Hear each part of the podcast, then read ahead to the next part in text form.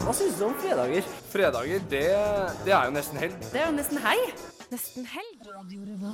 Det er kombinasjonen satsing på høyere utdanning og forskning. Nå må Norge greie begge deler.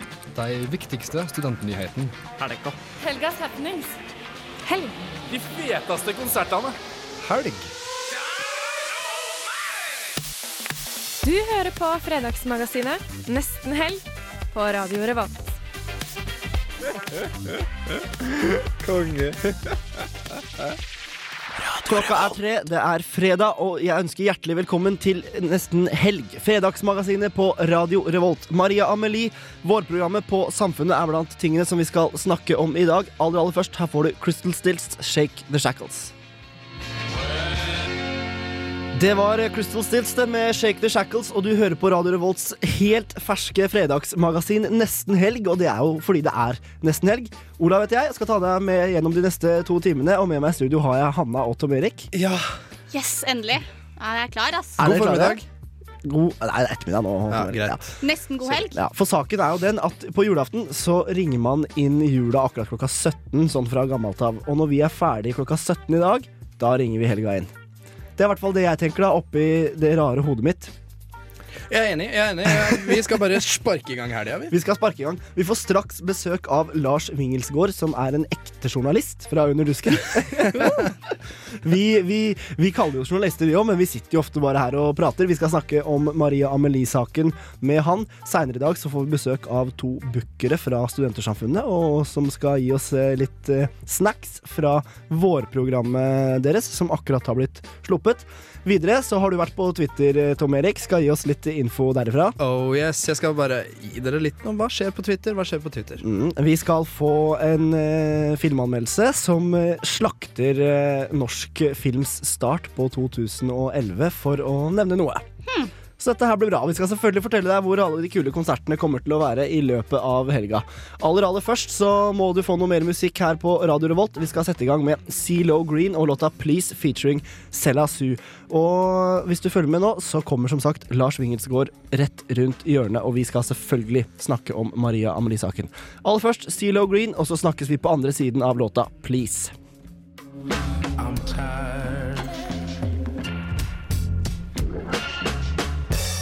Kanalen er Radio Revolt, byen er Trondheim, og låta var Please med Sea Low Green. Og vi har fått besøk i studio av ring ingen ringere enn Lars Wingelsgård fra Under dusken. Hjertelig velkommen. Takk.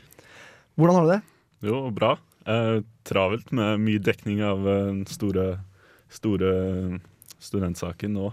Ja, Vi skal selvfølgelig snakke om Maria Amelie her på Nesten helg i studio nå.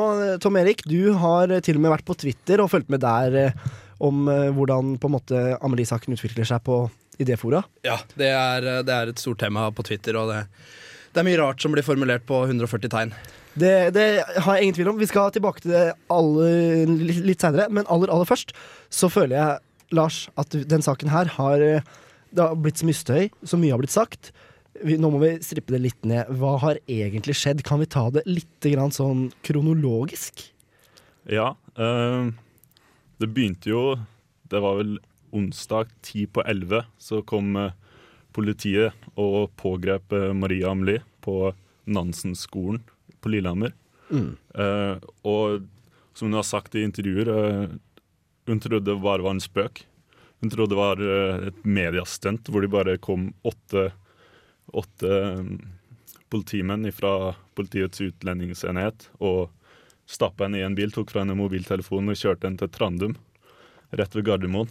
Ja. Så det var dramatikk for de som var der, og veldig overraskende. Hva er det neste som skjer da? Videre. Um, hun ble framstilt for varete- varetektsfengsling. Um, og hun vil, burde holdt i maksimalt 14 dager. Um, antagelig skal saken hennes opp, siden hun har anka. Hun har anka med en gang. Um, på mandag eller tirsdag. Ja, I lagmannsretten. Ja. Ja. Så da vil det bli klart da når hun skal sendes ut. For det her ser ut som at hun blir sendt ut veldig, veldig snart. Ja, for jeg har forstått det riktig. Hvis eh, etter saken har vært oppe i lagmannsretten, så er det på en måte ingen eh, hindre igjen. Nei. Nei. Før, før en faktisk utsendelse kan finne sted. Mm. Og da vil hun bli sendt til Russland. Peker alt på det. Ja. Men i mellomtiden så har det jo skjedd eh, mye på Facebook og Twitter og på demonstrasjoner rundt om i byene og sånn. Mm. Uh, utrolig bred støtte. Mange organisasjoner og sånt nå som har Ja, en helt uh, vanvittig mobilisering. Bare det tok veldig få timer ifra de fra folk fikk vite at hun var pågrepet, til det var store, store demonstrasjoner i fire norske byer.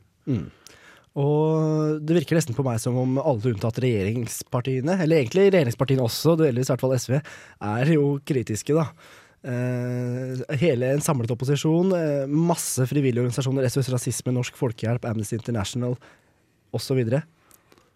Ja, Uh, og blant studentene er det jo helt vanvittig stor støtte. Eh, et av de kanskje mest brukte argumentene er jo hvorfor beholde Krekar når Maria Amelie skal ut. Og det, det setter tydeligvis mange sinner i kok der. Tydeligvis eh, Hvorfor, hvorfor tror du denne gruppa på Facebook, Slipp uh, Maria Amelie fri, har gått fra null medlemmer naturligvis til 75 000 medlemmer i løpet av veldig få timer? Hvilken, hvilke følelser Hvorfor, bli, hvorfor oppstår den massesuggesjonen? Um, mange, særlig studenter i Trondheim, kjenner jo godt til saken. Um, under Dusken blant annet har jo skrevet mye om Maria Amelie. Og, og med en gang man hører om saken, så får man jo veldig sympati for dama. Hun um, Jeg syns hun er pen. Ja. Jeg har bare lyst til å si det. Og smart. Ja, ja, ja. Hun for har de som masse bryr seg om det, så Nei, men eh, fra spøk til alvor, Tom Erik, du har noe på hjertet. Eh, ja, fordi eh, du sa du nevnte mulla Krekar. Eh, det har også vært et eh, argument som har gått igjen mye på Twitter. Det er sånn eh, Hun blir kastet ut, men Krekar får bli. Hvorfor, er det, hvorfor blir det brukt som et argument, og hva hva er eventuelt galt med det argumentet? Um, jeg syns det er helt logisk, da. Det er jo eh, Det er jo selvfølgelig bare en eh, konsekvens av, av utlendingsloven som eh, har gjort at uh, Krekar får bli, fordi han, eh, han kommer til å bli henretta hvis han sendes tilbake til Irak. Mens eh, det, det asylbyråkratene har funnet ut om Maria Amelie, er at eh, hun ikke er i fare hvis hun blir sendt tilbake. Men eh, med, i det hun forteller og, og hva vi vet om saken, så er det vanskelig å, å faktisk uh, vite om, uh, om Når man skal gjøre seg opp en mening, da.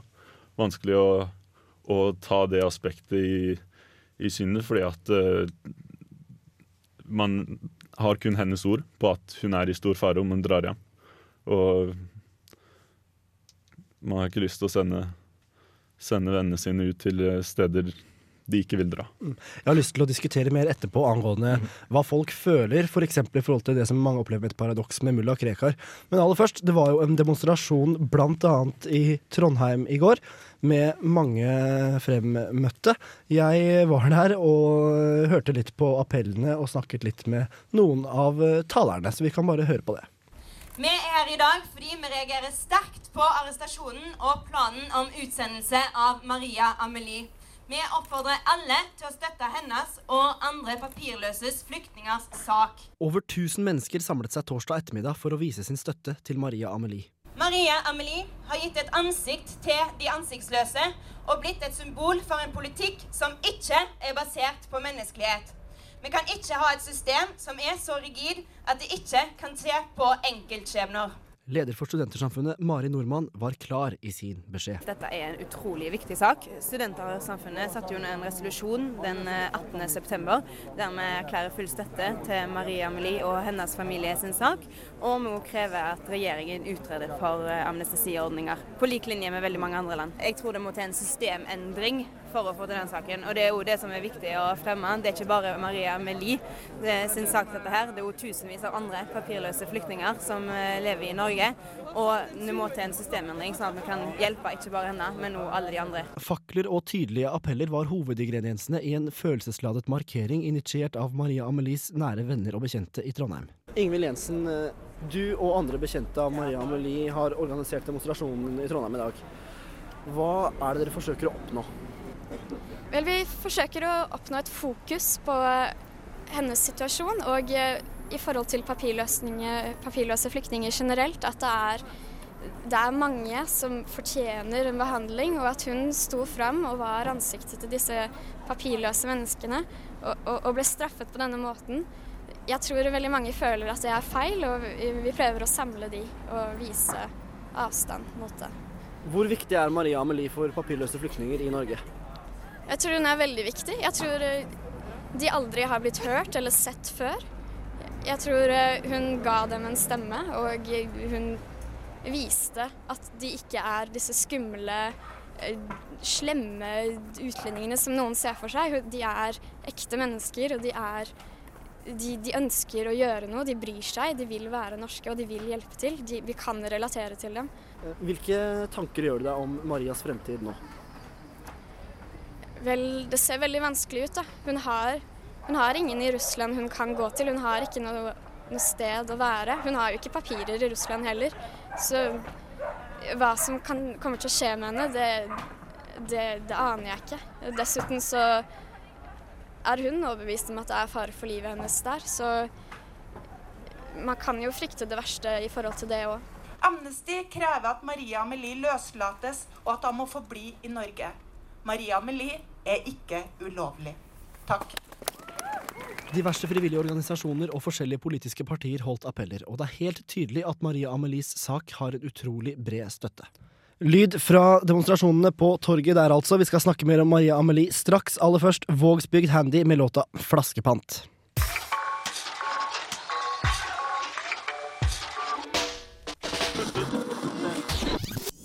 Du, du hørte Vågsbygd Handy med flaskepant. Det er vel eh, noen dager til vi skal begynne å pante flasker. Blir ikke før til uka, det, da. Etter helga. Det er riktig. Nei, det er riktig. Men eh, Tom Erik, tilbake til saken. Maria Amelie, du ja. har eh, holder kortene. Ja, jeg har eh, prøvd å følge den saken her så nøye som mulig, og derfor prøvde jeg også å få med meg eh, Debatten, debattprogrammet på NRK i går kveld. Um, og det jeg syns er litt um, en, en liten vri på den saken her, er at dette er en sak hvor til og med Frp sier at eller stiller spørsmålstegn med utkastelsen. Et eh, parti som eh, de fleste kjenner som veldig ivrig på å få de ut fortest mulig. Ja, og eh, jeg har hørt folk har sagt at, eh, at det her er faktisk den første, den første eh, asylsøkeren eh, Frp vil ha inn, faktisk vil ha der.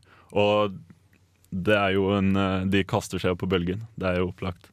Eh, den enorme sympatien som hun har fått, og, og de ser på henne som en ressurssterk nordmann som de da skal gjøre et, et unntak for.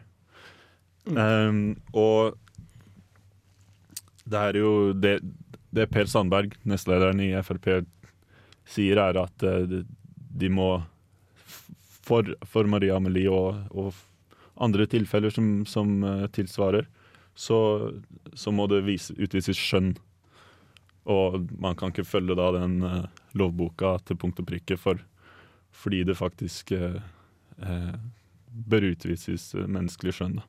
Mm, Frp sa vel på debatten i går at i saker som er åpenbart urimelige, så burde politikerne kunne gå inn og endre enkeltsaker. Ja. Ja, litt av bakgrunnen for at, man, eh, at det blir en sånn stor suggesjon, og at vi bl.a. skal ha et møte på, på Samfunnet i morgen, er jo at man har utlendingsloven som sier at, at innvandrere for, kan få bli hvis man har særskilt tilknytning til riket. Og det er vel hele det her bygger rundt, er det ikke det? Her har vi en, har vi en jente som er særskilt kny- tilknyttet til riket. Ja. Eh, Maria Amelie har jo ikke eh, noe, noe som helst eh, tilknytning til eh, Russland lenger. Hun snakker russisk, men, eh, men snakker norsk mye bedre. Og eh, hun, hun, Hun har vel strengt tatt ikke russisk statsborgerskap engang, har jeg lest. Det, det er riktig. Så hun har jo ingen statsborgerskap, for så vidt, men det er vel kanskje nærliggende å tenke at norsk er det mest naturlige for akkurat uh, henne. Eh, Tom Erik, du har jo fulgt saken også på Twitter. Yes, det er jeg veldig um, Det er din spesialitet. Jeg er mye på Twitter. Du er jo kjent fra spalten uh, Følger 50 Cent på Twitter fra i høst. Yes. Um, det her er litt mer eh, seriøse tweets som kommer om Maria Amelie, men det blir alltid, når det er et emne som snakkes mye om, så blir det dannet en såkalt hashtag. Dere som driver med Twitter, veit hva det er. Det vil si rett og slett si at man bare tagger eh, emnet eh, man diskuterer. Um, og hvis det hadde vært en oversikt over hva som har blitt skrevet mest om i Norge, så er det Maria Amelie de siste 48 eh, timene. Eh, blant annet så sier Kjell Jostein sier no offense, men jeg vil ikke kalle Maria Amelie en vakker kjendis. Det er på den useriøse siden. Eh, på den, eh, på den uh, mer satiriske siden så sier eh, Yngvar Johnsen at uh, han foreslår en gruppe på Facebook hvor vi legger inn alle asylsøkere. De som får flest likes, får bli. De andre blir utvist. Det er en kommentar til at uh, Maria Amelie har fått massiv støtte, og at hun derfor får bli. For det er jo, det er jo absolutt problematisk at uh, man, man kan jo ikke avgjøre sånne her ting etter trynefaktor. Og det er jo det enkelte kritikere mener, da. Ja. Uh, videre så tenker jeg som så at det juridiske i saken er ganske entydig, i hvert fall bortsett fra denne litt eh, ulne definisjonen i lovverket om særskilt tilknytning til eh, riket. Men er det sånn som politikerne har framstilt det i det siste, at enten så må vi la alle få bli, eller så må vi være konsekvente og la ingen få bli, og sende ut annet Maria Amelie? Um, og det er jo det store spørsmålet her. Så um, Noen foreslår jo at det, det bør vise, utvises mer skjønn, og det er jo vanskelig å være uenig i det i, i enkelte saker. Eh, argumentet for at hvis man folk, folk sier hvis vi lar Marie Amelie bli, så vil vi få en massiv tilstrømning av mm, eh, nye asylanter og innvandrere som, som bruker uh, hennes argumentasjon. Er, det, er det en realitet i det argumentet, tror dere? Alle de som kommer, vil jo ikke ha en sterk tilknytning til Norge over mange, mange år. Og Marie Amelie har, eh, har jo eh, vokst opp, hun var vel ni-ti år eller noe der omkring når hun kom til Norge. Og eh, hun er jo på alle måter norsk. Så barn som kommer til Norge og vokser opp i Norge, de, de er jo norske og har kun tilknytning til Norge, så det er Mm. vanskelig, vanskelig å Men samtidig, argumentasjonen kan jo brukes, da. Jeg tror vi skal sette punktum der. Denne saken kan diskuteres veldig veldig lenge. Det kommer den helt sikkert også til å bli gjort, bl.a. på et ekstraordinært samfunnsmøte førstkommende lørdag, altså i morgen. Og Begynner klokka sju. klokka sju, ja. Takk, mm. Tom Erik. I Storsalen. Tom Erik er mannen i redaksjonen som er online til enhver tid. Og mm, der eh, er det sikkert lurt å gå hvis man vil eh, få belyst saken fra flere sider. Vi må rett og slett videre i sendinga. Eh, takk for at du kom innom, eh, Lars. Veldig hyggelig. Får vi flere Dusken-journalister innom de andre fredagene også? Det gjør dere. Kjempebra. Vi liker litt skikkelig gravejournalister som kan hva de snakker om. Vi må videre. Du skal få litt musikk her på Radio Revolt. Kai Lisa med 'Distance Closing In'.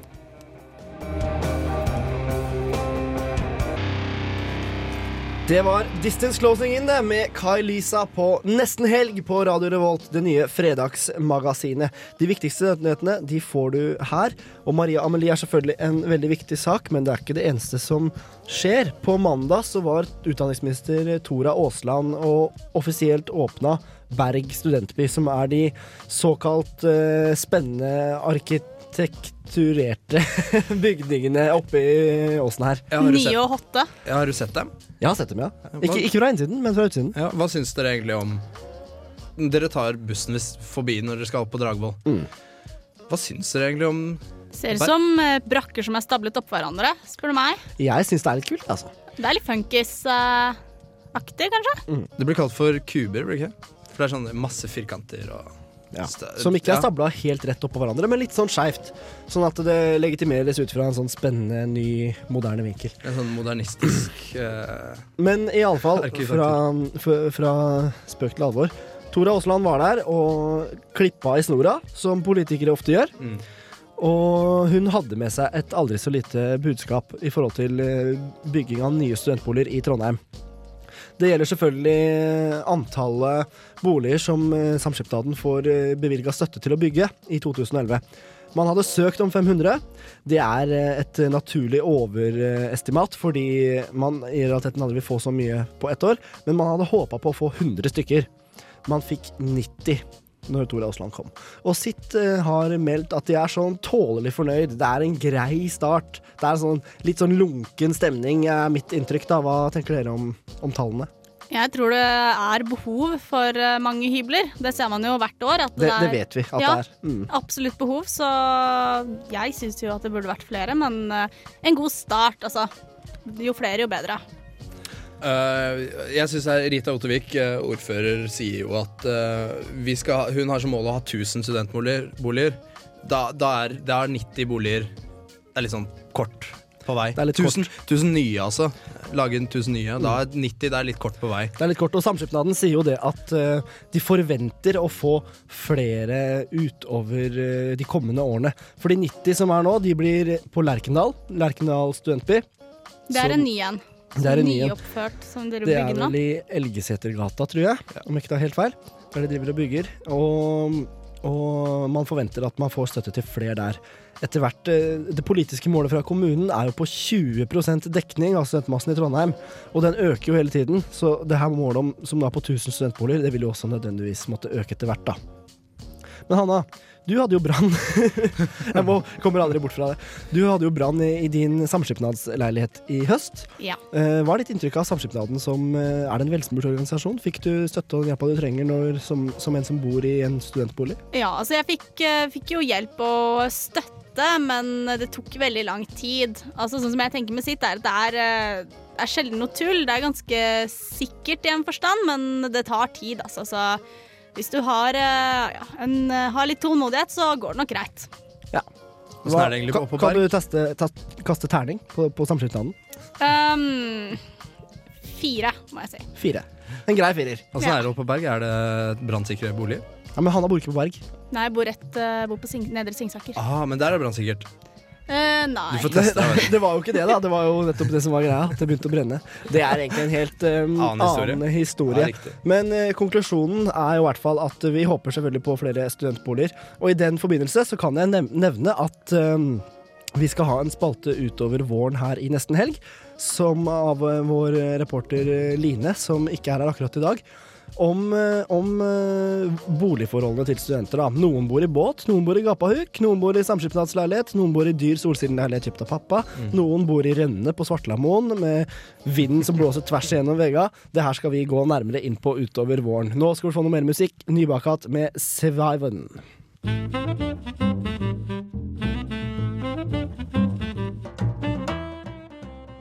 Litt jazz der, altså. Surviven med Nybakat og Nesten helg, som er et magasin som foregår i overgangen mellom uke og helg. Vi skal selvfølgelig fortelle deg hva som er bra med akkurat denne helga, men vi har litt mer viktige nyheter aller først. Veldig kort, folkens. NTNU har passert eh, 100 000 nedlastede forelesninger i iTunes. Woo! Woo! Hanna, har du lasta ned forelesninger? Nei, men jeg har vært med på en uh, forelesning som ble filma en gang. Oh, ja, altså, du har, ja, nå trodde jeg du skulle si jeg har vært med på en forelesning. Oh, ja. yes, score! ja, nei, det er ikke så, så ille. nei, ok, Men hvordan var det? Var det Merka du noe til det? Eh, nei, eller uh, den ble filmet, tror jeg, og så så vi en mann som var på en skjerm.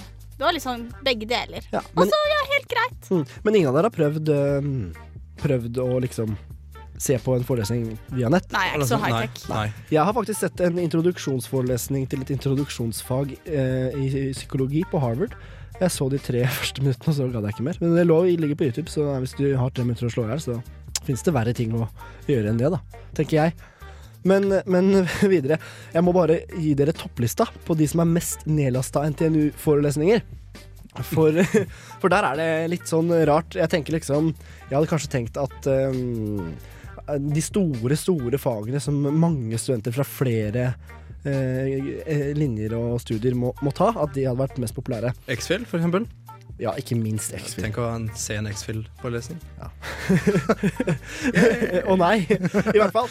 Eh, Jeg begynner på femteplass, og så går jeg opp til førsteplass, sånn som man gjerne gjør på lister. Ja. Femteplass i mest nedlasta NTNU-forelesning, det er gjesteforelesning med Bjørn Kjos, der han forteller om hvordan han starta flyselskapet Norwegian. Ah, gründer for det. Det er veldig sikkert hyggelig. Bjørn Kjos er jo, han smiler jo alltid. Han er jovial. Er. Fjerdeplassen det er en forelesning som jeg aldri i verden kunne tenkt meg å gå på. Det er en forelesning om spanske verb i presens. Har du noe tall på hvor mange som har lasta Nei, jeg har ikke tallene. Det er, jeg, har, jeg har dessverre ikke det, men jeg lurer på hvilke syke jævler som sitter og Nettopp. Nå skal jeg kose meg i kveld. Se på forelesning om spanske verb i presens. Mm, Tredjeplass er eh, CSI Trondheim. Flere populærvitenskapelige foredrag om rettsmedisin. Det kan sikkert være litt artig. Ja, det tror jeg nok er gøy. Det er i vinden nå, virker det som. Det er i vinden. Og andreplassen det er opptaket fra et debattmøte om kontroversiell kunst. Ah, Provoserende kunst og sånne ting? Eh, ja. Sikkert. Sikkert. Ja. Den er i hvert fall kontroversiell. Ja, ja. Og, og inni det så ligger det vel ofte å være provoserende, men kunst kan jo tolkes på så mange måter at jeg tør ikke å si noe mer utdypende om den. Og mm, trommevirvel, bam, bam, bam, bam, bam, bam, bam. Førsteplass. Den mest nedlasta NTNU-forelesninga via nett. Det er en forelesning i elektrostatistikk Nei, elektrostatikk, beklager. Hæ? Ja, og det som er oppgitt, er på en måte ikke et sånt konkret tema. Det står bare en forelesning i elektrostatikk. Så det er litt sånn en random forelesning i elektrostatikk. Det må være jævlig mange som tar faget. Det kan ikke være så mange som interesserer seg for det. Det, du har, det, rett oppe her vet du, Tom Erik, så har du et område som heter Gløshaugen. Ja. Der, er det, der er det mange som er, faktisk er interessert i realfag, selv om ikke du er det. Ja, for spesielt interessert. Mange som tar det, og mange som sliter. Ja, Vi skal eh, videre i, i nyhetsverden. Det er flom i Australia, det har alle fått med seg. 400 norske studenter befinner seg i Brisbane, som er eh, Australias tredje største by, som er eh, helt lammet av flom. Vår eh, Radio Revolt-kollega Jan Thomas eh, Halsvik han eh, er der på utveksling og befinner seg i Brisbane. og Utenriksmagasinet Globus intervjua han på onsdag. Her får Jan. Thomas, du er jo nå i Brisbane. Hvordan er forholdene i Brisbane akkurat nå? I løpet av dagen i dag så har det vært, det har vært sol, egentlig. Ganske mye. Men elva er da steike kraftig. Det, er, det renner ned. Du ser flytebrygge med båter på, flytebrygge uten båter på. Og hele sånn elve sånne gangstier langs elva som er blitt uh, revet løs ifra hele, hele systemet som det hang fast i, og de driver og demonterer nå fordi de er redd for at den skal, eh, skal rive seg helt løs og flyte videre ned elva og ødelegge ting på vei ned. da. Um, uh, hvordan er det? Er det mange som er, på, er blitt evakuert nå? Uh, ja, sånn her i Brisbane så har jo vi, vi har jo klart å holde oss unna flommen som herjer rundt i Queensland for det, for det meste, da. Uh, det har vært nå i de siste dagene at elva bare svuller opp, og det er av den der Waihoven-demninga som er oppi her. Ja, altså, det er jo en god del folk, da, som Det er snakk om flere tusen hus som har, eh, som har blitt evakuert. Der som jeg bor, da. Jeg bor i West End-området. Og eh, vi, eh, vi ble vi, I går, da, så drev vi og hjalp folk med å bære ut møbler og styr fra huset deres. Og, og i dag tidlig så måtte vi bare reise derifra, for ellers så hadde Akkurat nå så er det helt oppe til dørkarmen. Hvor er du du befinner deg nå? Eh, Nå eh, holder jeg til eh, på en annen sånn suburb som heter New Farm, da. Med venner, så vi, vi bor hos deg. Det, altså, hva er årsaken til at, det, at, at både demninga og elva har, har gått over sine bredder? da? Um, det er jo hovedsakelig regnskyld i resten av Queensland, og så den, eh, den uh, demninga som de bygde da etter 1974-flommen, den har eh, nådd sitt eh, bristepunkt. Den var sånn to meter under, toppen. Så for å hindre, hindre at den skal briste og alt skal gå til pieces, så har de eh, begynt å slippe ut vann. Og dette vannet det renner jo da ned i elva, som da bare stiger og stiger og stiger. Det ganske, ganske det skjer ganske kjapt, må jeg si. Mm. Um, har du lagt merke til noe altså, om, Har det regnet noe særlig i Brisbane sjøl, eller er det bare Queensland som har fått uh, det meste av regnet? Det Det regnet ganske mye i, i Brisbane òg. Det har vært eh, de siste ukene har, har vi nesten ikke sett sol.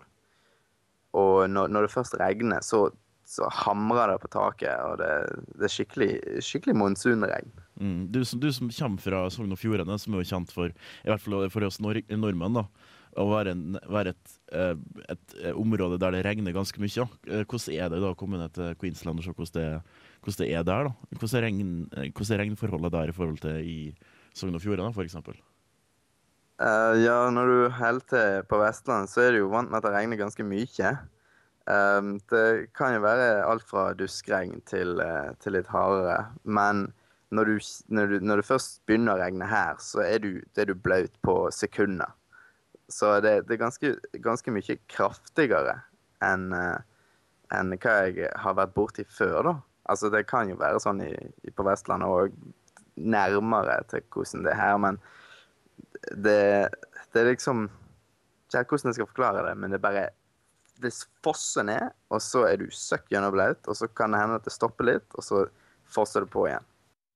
Det var første del av intervjuet med Jan Thomas Halsvik i Brisbane. Du skal straks få andre del. Aller først en låt om hvordan det er å dra på fylla i Lærdal. Her får du beinkjør med heimabrenten Tappa.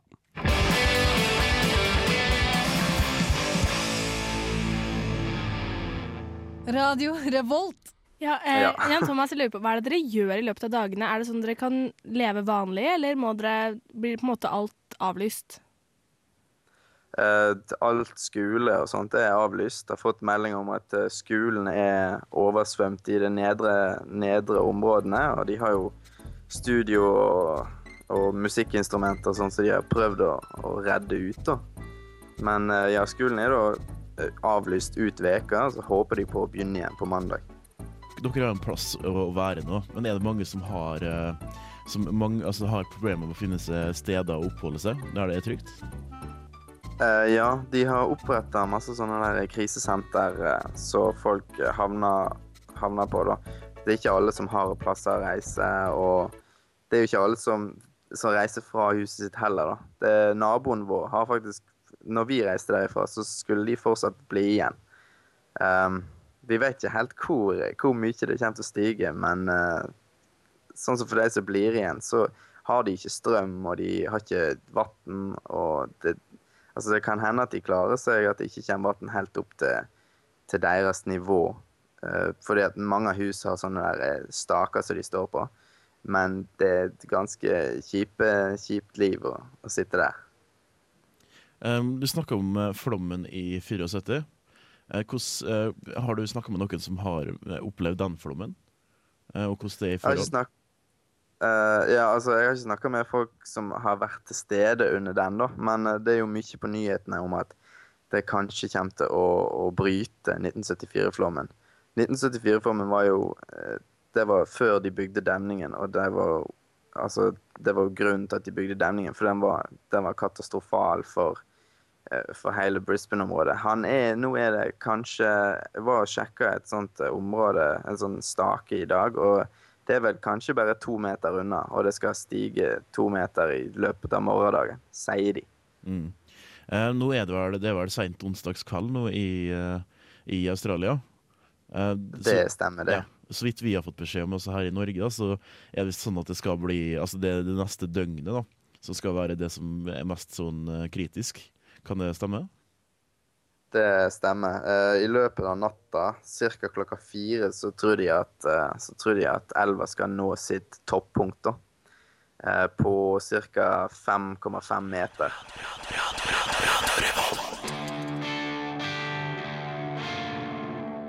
Det var altså Jan Thomas Halsvik, Radio Revolt-medarbeider midt i den australske flommen i Brisbane. Vi får straks besøk av bookerne Eline Kvamme Hagen og Alex Gisvold fra Studentersamfunnet. Aller først Deathspell Omega, Dearth.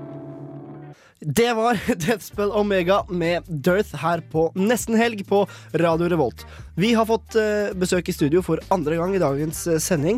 Det er Eline Kvamme Hagen fra Lørdagskomiteen på Samfunnet og Alex Gisvold fra klubbstyret på Samfunnet. Hjertelig velkommen. Takk, takk. Tusen takk. For å bare avklare litt før vi begynner å snakke. Det er sånn at klubbstyret arrangerer på fredager, og lørdagskomiteen på lørdager. Det stemmer. Det er sånn intern eh, strukturering. Det er det. Ja. Men begge har altså ansvar for å booke band og generelt arrangere fredag- og lørdagskveldene på huset. Altså, vi tar jo ansvaret for bookingen, men eh, det er jo helt, vi er jo avhengig av hele gjengen for å kunne ah, gjennomføre alt, da. Fra booking til, ja, til klokka halv tre, og folk må gå hjem. Eh, De, må de gå hjem da? Ja, de må vel det. Men, eh, men eh, iallfall. Vårprogrammet er vi her for å snakke om. Dere har akkurat sluppet eh, Samfunnets vårprogram. Er dere fornøyd? Ja, det vil jeg si. Jeg føler vi har fått eh, fin balanse. Litt temafester og storslagskonserter og ja, kule klubbenkonserter. Mm. Altså, jeg er kjempefornøyd. Jeg, vi har fått til eh, Vi skal skape de store festene, og vi skal skape de gode konsertene og generelt gi studentene mye moro. Mye moro. Jeg, kan ikke, jeg tar meg ikke tida til å nevne kronologisk holdt jeg på å si, alt som skal skje, men det er store konserter som eh, Big Bang, Kaizers, eh, Katzenjammer, Nas, ikke minst. Eh, Hva er egentlig det største høydepunktet i deres øyne? Altså, noe som er veldig spesielt, er jo at Nas og JC har samme agent. Og Nas hadde da ytret ønske om å komme spesielt til Trondheim Ja vel, ja. Eh, etter eh, uka. da. Og det, det gleder vi oss veldig mye til. Det var nytt for meg. Det er jo helt sinnssykt rått. Ja, altså Det var et stort sjokk for meg, og jeg måtte lese det to ganger jeg, når jeg fikk mailen eh, om det her. Mm, konge. Eh, hva med deg, Line? Har du noe annet du vil trekke fram som ekstra spennende? Det er jo alltid gøy med fulle storslagskonserter, sånn som Big Bang Kaizers. Eh, sånn personlig så gleder jeg meg mest til uh, klubben-konsertene, kanskje, da. Hvorfor det? Eh, nei, jeg har jo sett Kaizers og Big Bang eh, en del ganger før. eh, og så har jeg litt mer personlig forhold til det vi booka i klubben, for det er sånn band som vi truer på, som Turns og Real Ones. Eh, ja. Mm, up and coming. ja, up and coming. Jeg har lyst til å dvele litt mer ved et par store happenings. Det gjelder ølfestival med DDR og den herre Nå glemte jeg det. Duplex-festival. Ja. Uh, Duplex, det er det herre kollektivet av både band og litt sånn humor Altså Ja, det er bare Egil Band og Hurra Torpedo og Black Debbath. Ja, ja, ja. Og re reunion av Gartner Lotion. Ah. Så eh, på huset i tillegg så skal det være mange gøye ting som eh, lomperom og byttebod. Og det er masse galskap på huset den kvelden. Mm, helt eh, konge. Vi skal snakke enda litt mer om vårprogrammet straks. Men jeg har dratt fram en låt av et band som heter Dunderhonning. Som også kommer eh, til Samfunnet i våres. Er det på knaus, det? De skal spille på knaus, ja. Mm. De har vi lista tidlig i høst på Radio Revolt. Eh, Kjempefin eh, Harstad poprock, kan jeg kalle det det? Ja. ja. Du skal i hvert fall få låta 'Ikke ta meg med'. Dunderhonning der altså. Ikke ta meg med, med fra debutplata Sakte ut av fokus. Og vi skal sakte, eller ikke sakte, men fort inn i fokus igjen på vårprogrammet. Og jeg bare har festa meg med én ting til her, og det er temafest med Ultra Sheriff. Og Ultra Sheriff er et band, korrekt? Ja, korrekt. korrekt. Men temafest med et band, er det da sånn man skal kle seg ut som en sheriff? Nei, det er lagt opp til superheltfest. Det er superhelt, ja. Ok, Ja. jeg skjønte ikke det, jeg skjønner. Ja. Nei. Beklager. Eh, det er sikkert ikke Ja, det må vi fikse på hvis det står eh, kun temafest. Men, men eh, superhelt Så da kan man komme som Supermann og Batman og Altså, jeg skal være Chuck Norris. Han er jo den beste superhelten. Han er den beste superhelten. Eline, hvem skal du være? Jeg skal jobbe, da, så men eh, Kanskje Wonder Woman eller noe sånt. Wonder Woman. I billettluka. Wonder Woman i billettluka. Den kvelden må Eh, jeg faktisk Hvem skal du være, Olav? Jeg vil nok satse på Jeg faktisk, jeg kjøpte meg en DVD her om dagen. Det er veldig sjelden, for jeg syns det er litt dyrt. Har blitt billigere. Men jeg kjøpte meg Iron Man. Syns det var ganske fett. Eh, så kanskje det blir Iron Man, altså. Hvis ikke Steven Segal teller, da. Jeg holder knapp på han foran Chuck Norris. Men det er en annen diskusjon. Eh, jeg lurer også på litt når det gjelder dere, Eline og Alex, som sørger for at eh, studentene i Trondheim får relativt store artister, vil jeg si, til, eh, til byen sin. Hvordan er det dere jobber? Hvordan er det? Eh, vi får jo veldig masse tilbud, da. Vi har faste bookingbyrå som vi har kontakt med. Bookingagenter. Um, ja, men vi kan jo også ta kontakt sjøl hvis det er noe spesielt vi Men du bare sitter og vasser i tilbud og må kaste ut de dårlige, er det det som er jobben din? Nei, for så vidt ikke, men det, det gjelder på en måte å ha god kontakt med bookagentene, og så kommer de til deg hvis de, de har noe, fordi booking er jo veldig sånn Det er mange som er sånn Ja, få tak i den og den. Uh, men det er veldig vanskelig for dem å være ute på turné, og det skal passe akkurat med rutinga. Uh, Så det er mye sånn logistikk. ja, veldig masse. Og så Ja, det er jo ikke alle som gidder å ta turen opp om Trondheim. For det er kanskje enklere å kunne stikke til Oslo eller Bergen og videre til UK eller Noen ganger handler det rett og slett bare om å være heldig. Vi har fått eh, tilbud om store, store artister, og så har de typ kunnet kommet akkurat den dagen vi ikke hadde ledig, eller den dagen vi ikke hadde åpent. Mm. Da, da er livet litt surt. Da er livet litt surt. Hva, hva gjør man da? Gråter litt, og så gå videre?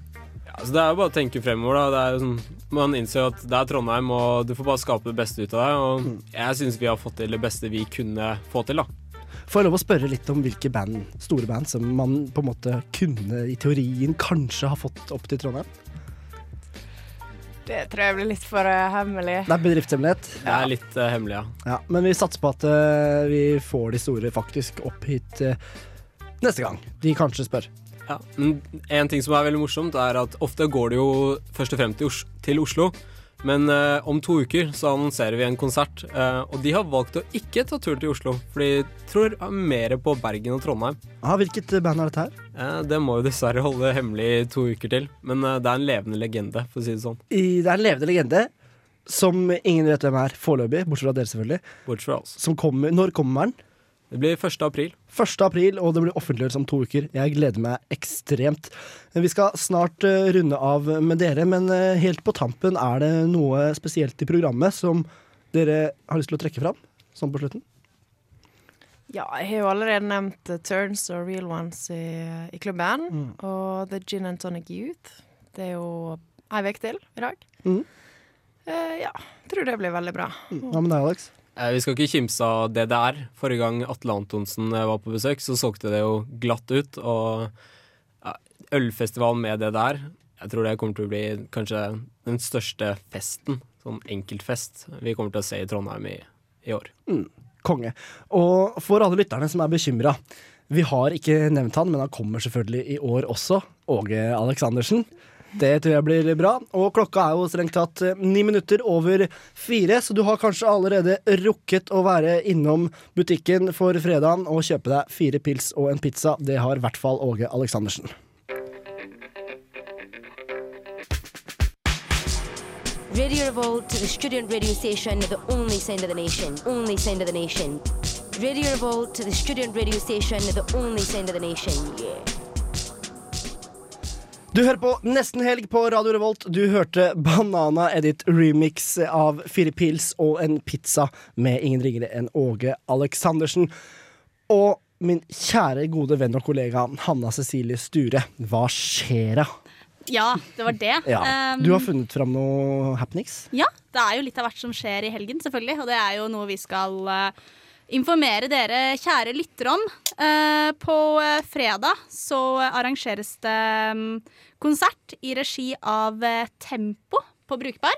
Ah. Ja, og da er det gjester som Seven Stones, Ine Hoem, Your Headlights Are On. Herlig lokalt baserte band, Ja, eh, de er jo, det er jo Tempo er jo ansvar... Eller er veldig um, De ønsker å få um, trønderske artister opp og frem. Riktig. Så derfor så er jo de naturlige å ha med seg i, på et arrangement som dette. Uh, og det er gratis Uh, hvis du kommer inn før klokken 23. Kommer du inn etter klokken 23, så koster det 50 kroner. Det eneste jeg hater med Brukbar, det er køene, så lunsja kommer tidlig. Ja, kom tidlig. Uh, og da blir det også gratis. Og etter konserten så kommer blant annet Your, Your Headlights Are On til å være DJs for kvelden. Så det er litt kult. Det er kult. Ja, ellers så er det på Blest på lørdag. Så er det um, Ruba Dub Sundays feirer uh, ettårsdag. Ja, uh, det den anledning så kommer den britiske radio-DJ-en David, David Rodigan og uh, spiller litt plater der. Så- Han uh, kommer det et intervju med her i Radio Revolt til uka. Det gjør det. Musikkredaksjonen har folk på saken, så vi kan love mer fra stoff fra David Rodigan, som er en legendarisk sånn eh, dancehall-DJ etter hvert. Mm, absolutt eh, verdt å ta turen. Det koster 150 kroner, så um, be there. Det tror jeg er kult. Eller så er det for de kunstinteresserte. Så eh, er utstillingen 'Misforstå kolon' av eh, Sissel M. Berg. Vaff. Misforstå kolon. Ja, den heter 'Misforstå kolon'. Tom Erik, hva er din umiddelbare reaksjon, på Hæ? den, på den uh, tittelen? Hæ? Misforstå Jeg misforsto Dette her er jo eh, Det er samtidskunst. samtids, ja. Ja. Ah, okay, okay. Så da faller det seg på en måte naturlig, men uh, ja, litt sært. Eh, Det er scenisk installasjon og av delvis mekaniske malerobjekter Spennende. som stilles ut. Og så er det da mye lyd i bakgrunnen der uh, kunstneren har bedt uh, tilfeldige folk om å sende inn uh, lydklipp som hun kan bruke. Så det er visst veldig Kan, mye vi kan sende inn podkasten vår, så kanskje vi kan bli en del av, Ja. av, av musikk, musikk Nei, misforståelse kolon. For podkast har vi selvfølgelig. Vi klipper den rett etter sending, legger den ut på radiovolt.no, på iTunes, og kanskje jeg poster en link på Facebook hvis jeg er grei. Så blir det lettere for deg. Så det, det er det som skjer i helga. Den utstillingen er fra 7. til 30. januar, så den foregår jo i dette øyeblikk. Og hvor var det hen? Det er på eh, hva heter det, Trøndelag senter for samtidskunst. Rett og slett. Ja, det skal smelle på Samfunnet òg, skal det ikke? I kveld. Så er det konsert på Knaus. Med Ja, det er to hardcore-band, da, så det skal, eh, det skal smelle litt med harde gitarer og litt skriking. Det er Your New Favorite White Trash, um, som er fra Kongsberg, Oslo. Og så er det Dakari, som eh, er fra Halden, men holder til stort sett i, i Trondheim. Så det er to lokale hardcore eh, Eller ikke lokale, det blir feil å si, men det er to norske hardcore-band som skal spille sammen. Og hvis du lurer på hvordan det høres ut, så skal vi spille litt Dakari hvert øyeblikk. Åh, supert Har du noe mer sånn på tampen, eller? Ikke noe spesielt. De kan sammenlignes med Blood Brothers og Black Flag og den slags uh, punk. Så de som er interessert i litt skriking, kom på Knaus klokka 23.59 i kveld. Da får du blant annet høre dette her. Åtte slash fem, eller åtte femtedeler, jeg er litt usikker, med Dakari. Radio Revolt. Det var Zion L med The Sun Come Out fra det nye plata deres Atomic Clock. Og sjøl om jeg ikke har noe så presist som en Atomic Clock, så kan jeg meddele om at klokka er 16.27. Det betyr, Tom Erik, at det er nesten, nesten, nesten helg. Det nærmer seg så helg at jeg, jeg har tatt helg, alltid. Det må jeg bare si. Såpass avslappa er jeg. Ja, en, en halvtime på forskudd før vi ringer her inn klokka fem. Men eh, i stad som nå, du er på Twitter. Ja, jeg er på Twitter. Jeg, det har liksom blitt, eh, blitt min greie, og jeg er veldig glad i å være der. Veldig rask eh, Hva skal jeg si? Rask vei å få informasjon på. Og så er det sånn at eh, på Twitter så blir det jo skrevet om ting som er aktuelle, eller trending, som det blir kalt på, på Twitter. Mm. Det som er trending nå om dagen, er um, Vi kan ta de litt mer seriøse tingene først, da. Først og fremst så er det jo Maria Amelie. I, i Norge så er, eh, er det en vanlig, eh, eh, et vanlig emne. Og ca. hvert femte minutt så kommer det en ny, uh, et nytt argument, en ny uh, oppdatering. Her har du min bloggpost om eh, Maria Amelie, sånne ting. Uh, også I tillegg så er det datalagringsdirektivet. Jeg vet ikke om du kjenner til det? Kjenner til det. Overvåkning av all mulig trafikk på nettet og sånn. Yes, rett og slett overvåkning av all mulig trafikk. Alt. Eh, og da har du en veldig polarisert debatt. Jeg har prøvd å følge litt med på den. Og det er sånn, eh, Du har motstanderne og eh, eh, Hva heter det? Forkjemper, heter det.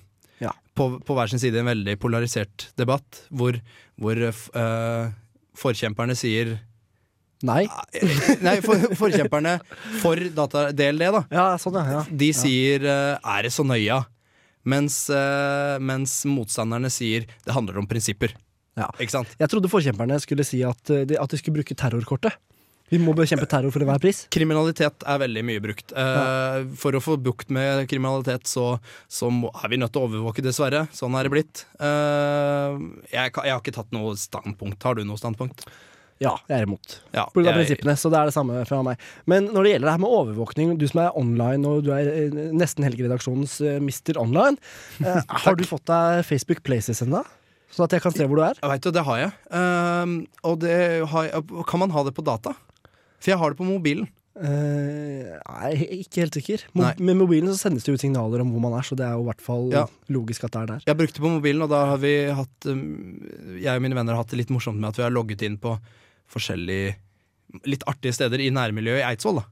Ja. Fins det artige steder i Eidsvoll? Mine venner logget inn på faren min en dag. Ja. Og det, det, det syns vi var litt, var, litt, var litt artig. Ja, jeg har, jeg har begynt å bruke det. Mm. Men, hva er Twitter-status nå? på Er det mye aktivitet? Bortsett fra Maria Marie, da. Videre er det noe? Eh, og del det. Og så er det en ting som er blitt eh, trending nå de to siste dagene, og det er mindre ambisiøse filmtitler. Som har fått en egen hashtag. Altså okay.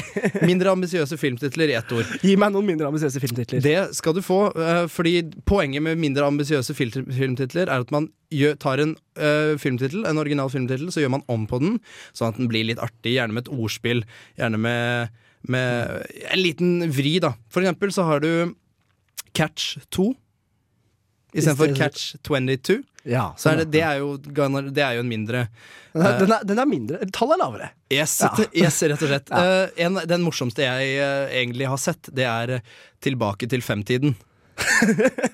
Vi, vi nærmer oss jo femtiden, Ja. men ikke helt ennå. Um, altså, det, det, er, ja, det er rett og slett det det går i, å gjøre et, et ordspill ut av en, uh, en uh, filmtittel. Jeg har en her som er utrolig. Få høre. Deep Trout. I stedet for Deep Throat. Så Å, trout sånn, ja. som, i, som i fisken. Ja, det vil jeg si er mindre ambisiøst. I hvert fall eh, litt rart. Vi skal høre om, eh, ifølge vår filmanmelder, en lite ambisiøs eh, første kino-norsk film etterpå. Anmeldelse av Mørke sjeler, men aller aller først får du Just Vibe i Soul Power Nei, nå leser jeg feil. Jeg. Det går bra. Brighton The Orchid er det som kommer først. Urørt band, det. Urørt. Vær så god.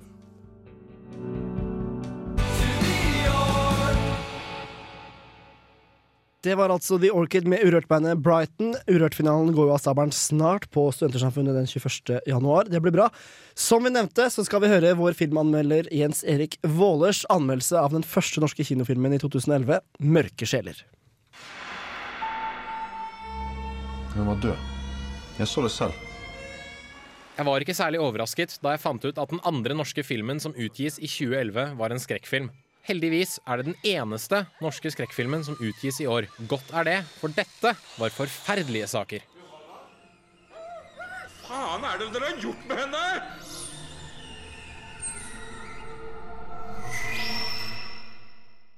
La meg kort oppsummere tankeprosessen jeg gikk gjennom mens jeg satt i kinosalen og skulle felle en dom over mørke sjeler. Hm, ok, men hva? Hæ?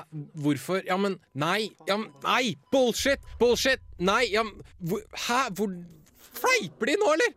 Ah! Ah! Jens Erik Knuse møkkafilm!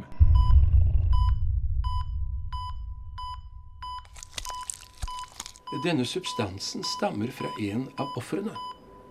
Hvor faen kommer den oljen fra? Under en joggetur blir 20 år gamle Johanna drept med drill av en mann i oransje kjeledress. Men et par timer senere er Johanna plutselig i live igjen, men i en zombieaktig tilstand. Etter hvert dukker det opp flere og flere ofre med samme symptomer. Drillmannens ofre spyr ut eder, galle og olje etter hvert som symptomene forverrer seg i noe som minner om B-filmutgaven av Eksorsisten, Halloween og The Happening kjørt i en blender. Johannas far blir besatt av å finne gjerningsmannen og avdekker samtidig en konspirasjonsteoretikers våte drøm. Mørke sjeler er en film med et budskap så grønt at du kan legge det på bakken og kalle det gress. Du prøver å få tak i gjerningsmannen, liksom.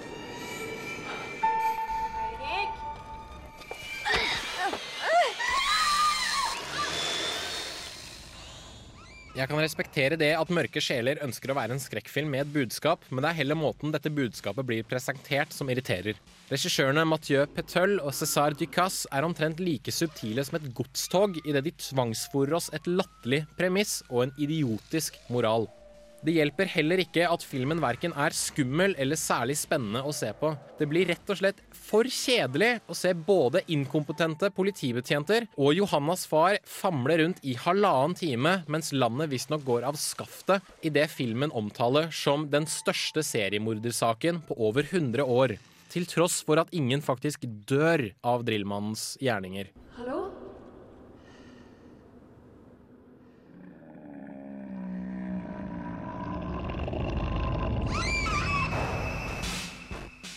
Norsk film i 2011 har fått en råtten start, men lista er heldigvis lagt såpass lavt at det umulig kan bli verre heretter.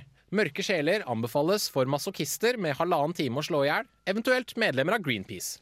Terningkast én.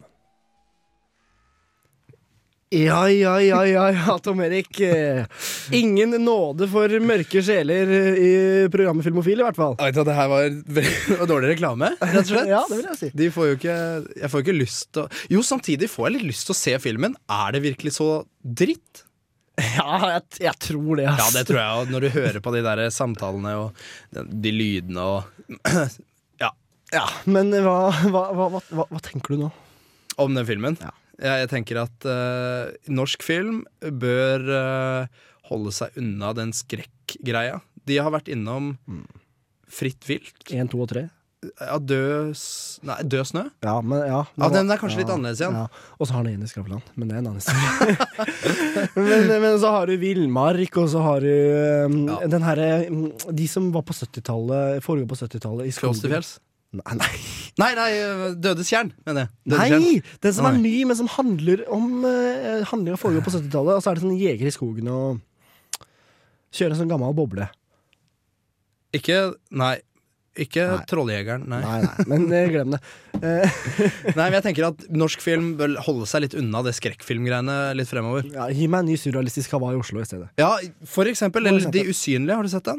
Faktisk ikke. Ja, utrolig. Så hvis man norsk film skriver gode manus til sånne filmer, ikke til skrekkfilmer Nei. jeg, jeg veit ikke. For, Jeg vet på en måte Skrekk tenker jeg det er såpass universelt i språket. Skummelt skjønner alle. Så det kan vi heller la proffene borte på i Hollywood ta seg av. Forutsigbart. Ja. Vi må videre. Det nærmer seg helg så mye at det er på bristepunktet. Det er helt crazy. Vi må slappe av med litt grann jazz, jazz eh, nå. Etterpå så skal du få høre mm, hva som er turnoff med gråting og tårer. Men aller først Trygve Seim og Andreas Utnem, Purkor.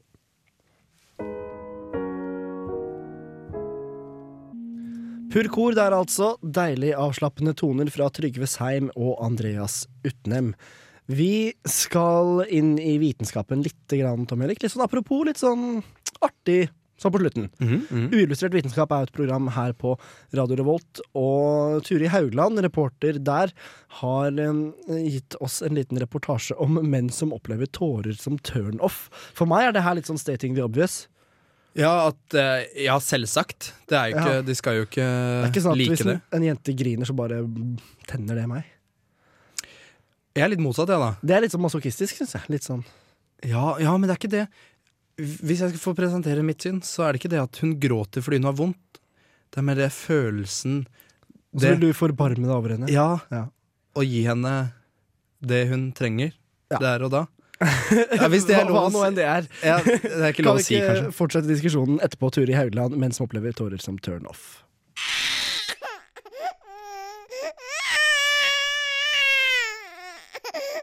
Som jente har du garantert lært deg at gråting kan være løsningen på mangt et problem. Krangler med kjærester, og ikke minst far i huset. Hvordan får du det som du vil? Jo, du gråter så klart. Alle jenter som ikke gråter, ser ned på alle pinglejentene som gråter. Til disse sistnevnte har jeg bare dette å si. Gråting kan føre til mer enn du tror. Så sett i gang skrikingen, jenter.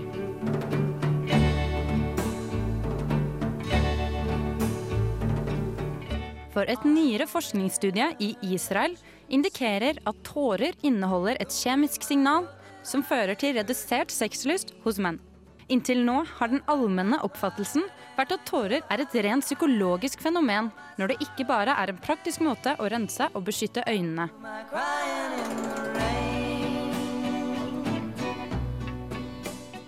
Men tårer du feller når du krangler med typen din, eller ser slutten på Den grønne mil, har en helt annen kjemisk sammensetning enn når øynene renner over av tårer i kraftig vind. Og innvirkningen av denne kjemiske sammensetningen på andre mennesker var det israelske forskere ønsket å lære seg mer om.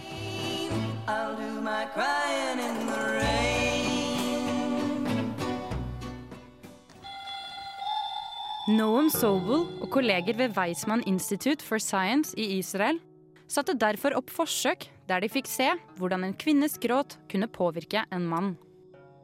I første del av eksperimentene fikk de mennene til å lukte på tårer før de fylte ut et stemningsskjema. Til deres overraskelse viste det seg at tårer ikke førte til endring i humøret. Det tårene gjorde, var å redusere deres seksuelle lyst.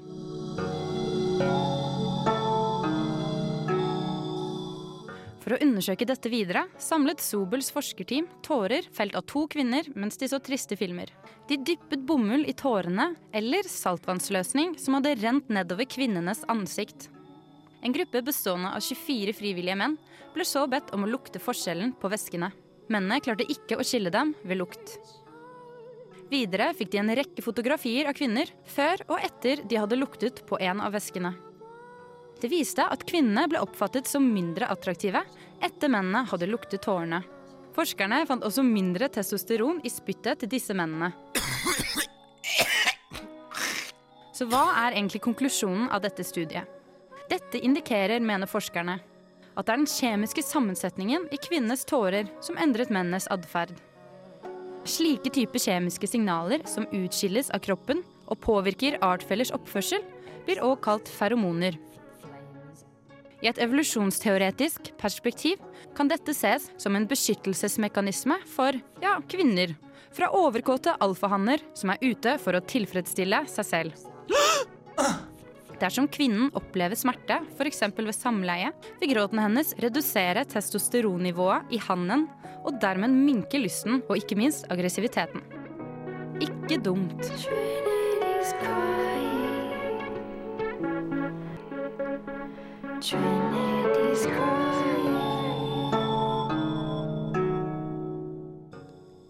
Ja ja, Tom Erik. Jeg trekker tilbake litt det jeg sa. Du gjør det? Ja, jeg, eh, jeg, jeg tenner nok ikke på det. Eh, Jeg blir nok, som, som de sier her, jeg blir nok mer eh, Testosteronnivået minker. Ja, det vil jeg. Ja, ja, ja. Jeg trekker det tilbake. Men, men det er noe med det da, som du var inne på i stad, når noen gråter, så du får lyst til å gjøre en slutt på gråtingen. Om det krever at du kanskje gir etter for dine standpunkter i en krangel, eller sånn, så so be it, på en måte. Ja, det, det, kan, det går jeg med på. Eh, At uh, jeg er nok lettere å ha med å gjøre hvis hun begynner å gråte. Men eh, Det tror nå, nå er det snart helg. Håper at det ikke blir så mye gråting i helga. Nei, jeg, Noen ganger så har jeg som mål å få en jente til å begynne å gråte. På byen og sånn? Ja, det, det har jeg noen ganger som mål, men ikke å være direkte slem. Kan, kan ikke du utdype det? Eh, Det her er, et, det er en Eidsvoll-greie. Um, det, det nødvendigvis måtte være det. Og da er det sånn, da sitter vi på, på fredagen uh, og har det, har det hyggelig sånn på vorspiel, og så si, har vi hverandre en utfordring. da I kveld skal du få deg noe, for eksempel. Det blir, det blir veldig guttete, men, men også en vanlig utfordring er i kveld skal jeg søren meg få noen til å begynne å gråte. Det, det er en sånn, det er en sånn Ja. greie. Jeg, jeg Det er litt sånn for, for the hell of it. Ja, rett og slett. Jeg, jeg kan vel ikke fortelle om noen vellykka historier ennå, men uh, vet du, vet du, Du, du prøver stadig, er det det du sier? Jeg skal prøve i helga. Ok. Ja, jeg skal prøve på, på huset, på Samfunnet i helga. Alle jenter på Samfunnet i helga, se opp for uh, mannen fra Eidsvoll, Tom Erik. Han vil få deg til å prøve å gråte. Nå kokkblokka er ganske kraftig for uh, Takk skal du ha! Wingman. Wingman. Ja, ja, ja. Nei, eh, vi må så smått begynne å avslutte sendinga om eh, noen eh, minutter. Aller først så skal vi spille litt mer musikk for dere. Lars Fremli får du her med låta 'Quiet Hole', og så er det snart helg, folkens.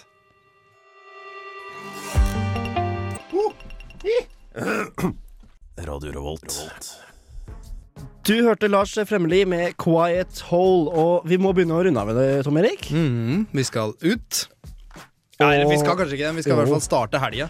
Vi skal starte helga, som jeg nevnte innledningsvis. Programmet Nesten helg, som du har hørt på nå, det går jo selvfølgelig i det tidsrommet hvor det er nesten helg. Og jeg bare drar den julaftenparallellen en gang til. Jeg synes den er veldig fin. Ja, den er bra. For uh, klokka 17 sharp på julaften så ringes jula inn. Og det betyr for meg at klokka 17 fredag, da ringes helga Da ringes helga inn. Det er jeg helt enig med deg i. Og klokka 17 fredag, det er nøyaktig seks minutter til. Så kort tid er det til helg.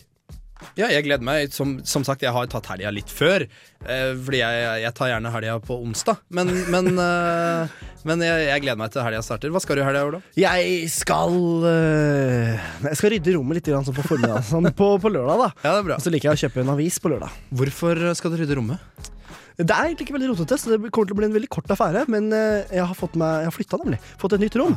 Sånn at Stort, fint rom, og da liker jeg å holde det ryddig og fint. Ja, for det er Mhm. ikke fordi du venter besøk, vel? Eh, ikke med det tonefallet der. Nei, det er ikke sånn besøk. Nei, det er greit, greit. Jeg Men jeg, jeg, liker å, jeg er blitt så voksen nå at jeg liker å holde det ryddig bare fordi det har en verdi i seg selv. Ah, skjønner. Men eh, det er meg. Ja, nei, det var, det, var godt, eh, det var en god ting å gjøre i helga. Men det er på dagen. da. Jeg skal selvfølgelig ut på kvelden. Ja, bra. Samfunnet åpner eh, skikkelig i helga. Det er fete lokale artister på Brukbar. Your Headlights Are On Are DJs. Ine Yes. Hoem kommer. Seven Stones, som vant den her konkurransen på Samfunnet tidligere, kommer. Ja, riktig. Hva skal du i helga? Eh, Jeg skal, se, jeg skal se konsert på Samfunnet, og så skal jeg se på NFL, amerikansk fotball. Og så er det Grand Prix! Det er Grand Prix. Sparkes i gang. Ørland i Yes. Sør-Trøndelag. Det er i morgen på NRK. 1955. Stem på hvem dere vil, spesielt Gatas Parlament. Spesielt Gatas Parlament. De gamle er eldst også i Grand Prix. Spesielt i Grand Prix. Spesielt uh, der. Eh, vi skal ikke spille noe Grand Prix-musikk her. Vi holder oss til den gode, gode Radio Revolt-musikken. Vi må si tusen takk for oss. Eh, Takk for meg, og takk for deg, Olav. Ja, takk for meg og deg. Takk til tekniker Arne By. Perfekt. Her får du kråkesølv og bomtur til jorda. Så snakkes vi neste fredag. God helg.